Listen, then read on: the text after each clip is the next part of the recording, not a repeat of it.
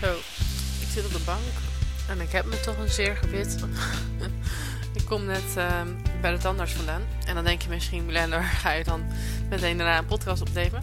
Nou, op dit moment zit het nog uh, vers in mijn geheugen, de ervaring van zo net. Want ehm, ja, ik moest dus wederom naar de tandarts. Ik ben uh, een kleine maand geleden ook geweest voor controle. En toen uh, kwamen ze tot de conclusie dat ik vrij veel tandsteen had en uh, gevoelig tandvlees en nou, al dat soort uh. Dus ik mocht er uh, vandaag weer heen om de tandsteen weg te laten halen. En ja, ik ging eigenlijk al met vrij veel tegenzin heen. En toen ik in de wachtkamer zat, werd het eigenlijk alleen maar erger. Dat ik dacht, wat doe ik hier? Het duurt lang, ze zijn ook altijd te laat, bla bla.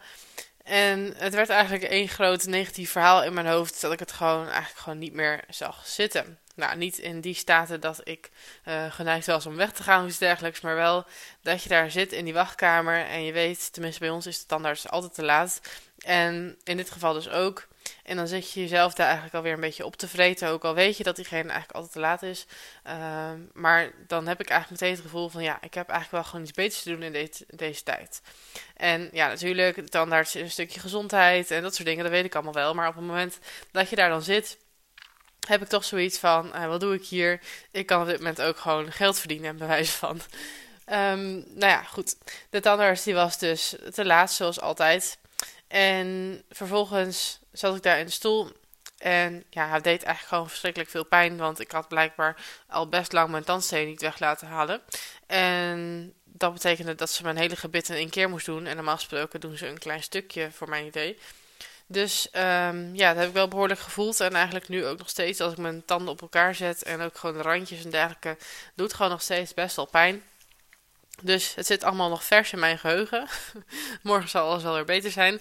Maar ik zat dus in die wachtkamer en toen zat ik me te bedenken van waarom vind ik dit nou zo erg en waarom heb ik er zo'n negatief gevoel bij. En ik kwam eigenlijk tot de conclusie dat ik eigenlijk al sinds dat ik klein ben eigenlijk altijd iets had bij de tandarts. Ik, uh, zeker toen ik nog een melkgebit had, had ik eigenlijk altijd gaatjes. Gewoon standaard, iedere keer dat ik er kwam, had ik gaatjes. Dus uh, ja, eigenlijk wilde ik nooit meer naar de tandarts, omdat ik iedere keer gaatjes had. Dus ook toen hadden mijn ouders al erg moeite met mij meenemen naar de tandarts. Al deden ze dat gelukkig wel altijd. Um, eigenlijk is daar dus eigenlijk al die negatieve associatie met de tandarts ontstaan. En die heb ik nu dus gewoon nog steeds. Ook al heb ik um, ja, best lang al geen gaatjes meer gehad. Toevallig wel weer één keer uh, toen we van tandarts geswitcht zijn. Maar dat hoor je natuurlijk vaker. Dat als je van tandarts switcht dat je opeens van alles hebt. Nou, dat was ook in dit geval dus zo.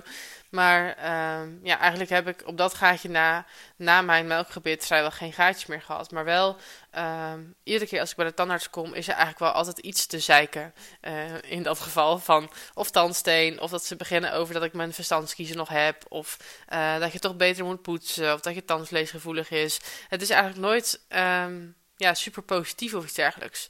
En... Um, ja, dat maakt toch wel dat je ook met meer tegenzin naar de tandarts gaat. En dat als je daar in die wachtkamer zit en je moet op hen wachten, dat je denkt van, pff, uh, je steekt er al moeite in om ieder half jaar toch maar weer trouw te gaan. En dan moet je daar toch ook weer op hun zitten wachten.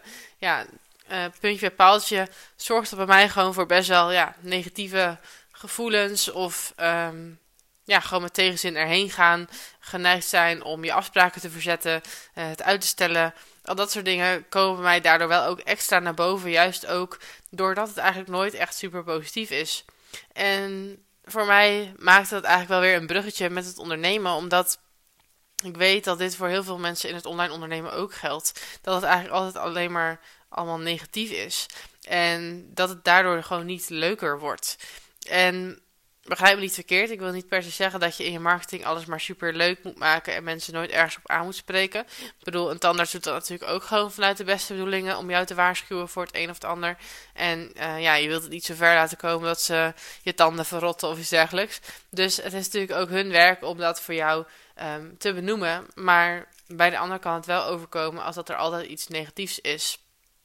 En dat gebeurt natuurlijk ook heel veel in marketing. En ik weet ook dat ik het zelf regelmatig doe. Dat ik dingen probeer aan te stippen die bij mensen nog verkeerd gaan. Zodat ze er iets aan kunnen doen en uh, wel hun gewenste resultaat kunnen behalen.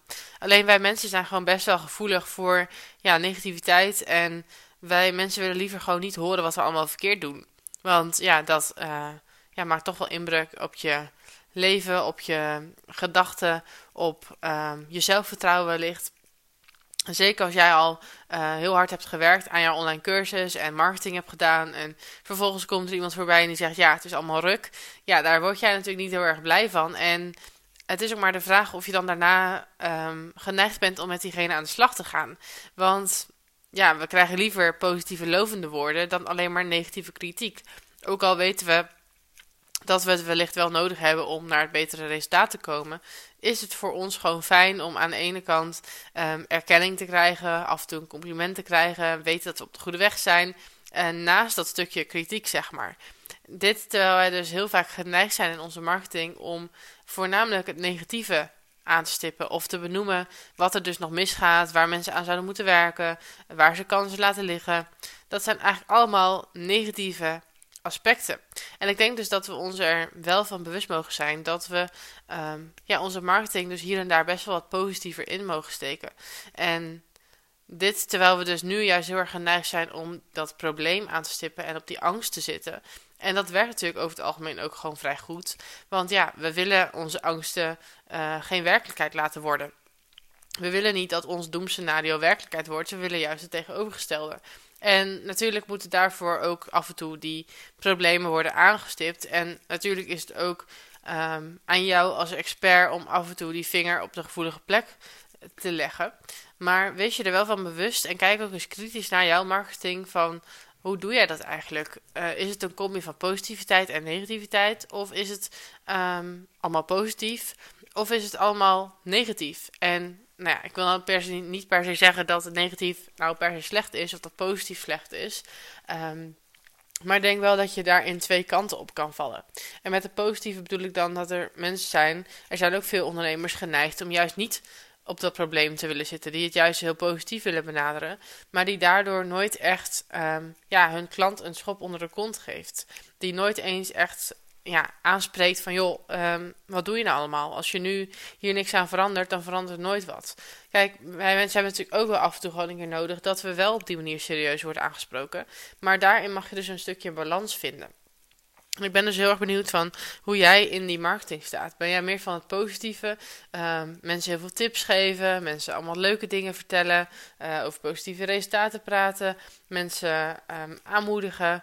En vooral ja, dat stukje als ze verzaken of uh, geen concrete acties ondernemen, dat je dat een beetje links laat liggen. Dat je liever mensen gewoon blij en positief wilt houden. Of ben jij meer van die negatieve kant in die zin van dat je mensen wel kritiek durft te geven. Mensen durft aan te spreken van joh, uh, als je iets wil moet je het wel echt gaan doen. Of ja, gewoon mensen serieus iets onder ogen laten komen. Um, ja, ben jij de ondernemer die dat durft? En naar welke kant neig jij dan het meeste? En ik denk dat je voor beide gevallen voor jezelf eens kan gaan kijken van hoe kan ik daarin nog meer die balans vinden. Ik denk dat als jij alleen maar in het positieve zit, dat mensen ook die urgentie zeg maar niet voelen. Want uh, ja, alles gaat een beetje zijn gangetje um, en ze weten misschien wel dat ze dingen uitstellen, maar er is niemand die ooit tegen hen zegt, joh, als je het nu niet doet, gebeurt het nooit. Dan... Uh, ja, blijft het een beetje hangen in het level waar ze nu zitten. En dat is natuurlijk ook heel erg zonde van jouw expertise. Um, maar aan de andere kant wil je dus ook niet te veel in negatieve zitten. En mensen alleen maar laten zien wat ze allemaal verkeerd doen. Want dat juist zorgt ook juist voor een negatieve spiraal. Die er dus voor zorgt dat mensen de moed er niet meer in hebben. En maar denken, ja, misschien is het toch niks voor mij. Dus ik wil je eens uitdagen om eens te gaan kijken naar jouw marketing. Van hoe steek jij jouw marketing nou in? Ben jij de tandarts die altijd te laat is en alleen maar negatieve dingen te vertellen heeft en die overal gaatjes aanwijst? Of ben jij de positieve tandarts die alleen maar zegt dat jij een fantastisch gebit hebt, waarna jij opeens na een jaar toch opeens heel veel gaatjes blijkt te hebben als je overstapt naar een andere tandarts? In welk spectrum zit jij en hoe kan jij daar wat meer ja, balans in brengen? Ga daar eens voor jezelf naar kijken, want ik denk dat daar ook echt nog een schat in zit voor jouw marketing, om daar ook nog meer uit te halen, meer uit te halen voor jouw doelgroep en jouw klanten dus ook nog veel meer aan te spreken.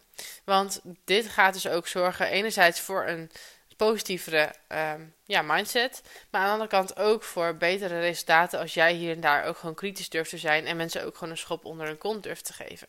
Dus daag jezelf daar eens toe uit, want in beide gevallen kan het best wel uit je comfortzone zijn om vanuit het negatieve naar het positieve te gaan.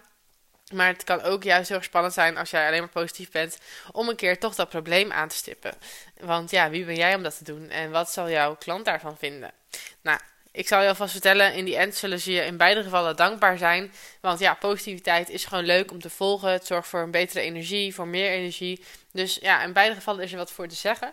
Dus ik denk dat je het ook beide mag terug laten komen in je marketing. Dus ja, ik zou zeggen, pak jouw social media kanaal ergens bij, pak je mailtjes ergens bij en kijk eens naar wat voor toon je nu daadwerkelijk aanslaat. En ga eens kijken hoe je dus meer ja, die balans kan vinden als je die voor jezelf nog niet ervaart. Dus ga dat doen en dan zeg ik voor nu tot in de volgende podcast.